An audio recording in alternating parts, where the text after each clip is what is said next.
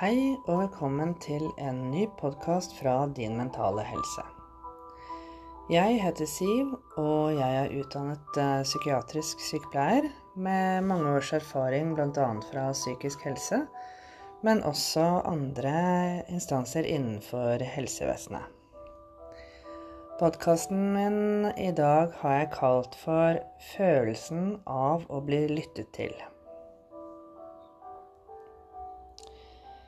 En dag for ikke så lenge siden fikk jeg en telefon fra en person som hadde et ønske om å prate.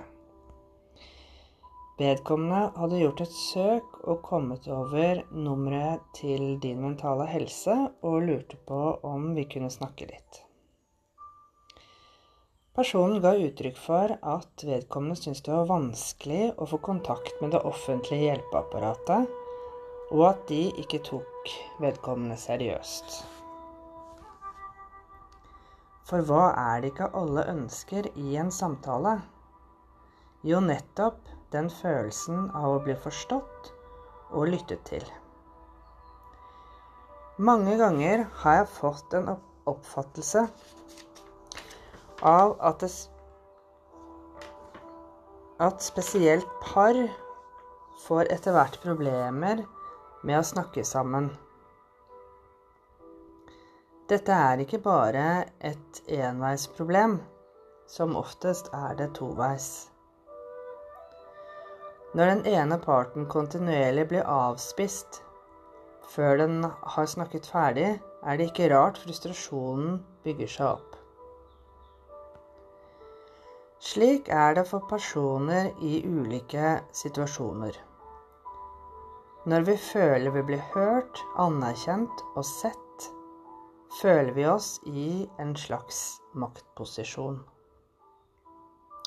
Med ett har vi en følelse av en betydning i samfunnet. Min mening har noe å si. Er det ikke slik du føler det når du stemmer ved et valg? Du stemmer fordi du har et ønske om å bli lyttet til. Det vil si, du føler at din mening har en betydning. Dette kalles for empowerment. Her om dagen så lyttet jeg til en affirmation-meditasjon. Og selv om jeg lyttet til den mange ganger tidligere, så var det plutselig en setning der som jeg bet meg merke i.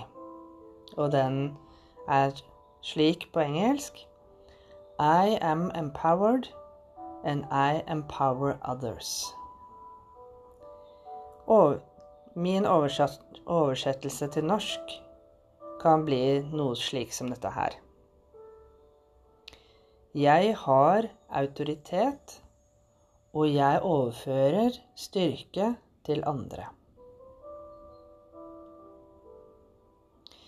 Ved aktiv lytting gir en styrke til andre å, til å fortelle deg sin historie.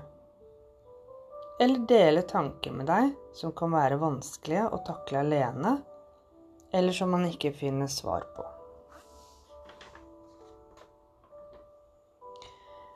Da jeg gikk på videreutdanning i psykisk helse, så lærte jeg om empowerment. Og når man ikke vet hva betydningen er, man aldri har hørt om empowerment tidligere, så kan det være veldig vanskelig å forstå. Men, og, men empower betyr rett og slett å gi makt, å gi autoritet til, eller å gjøre i stand til.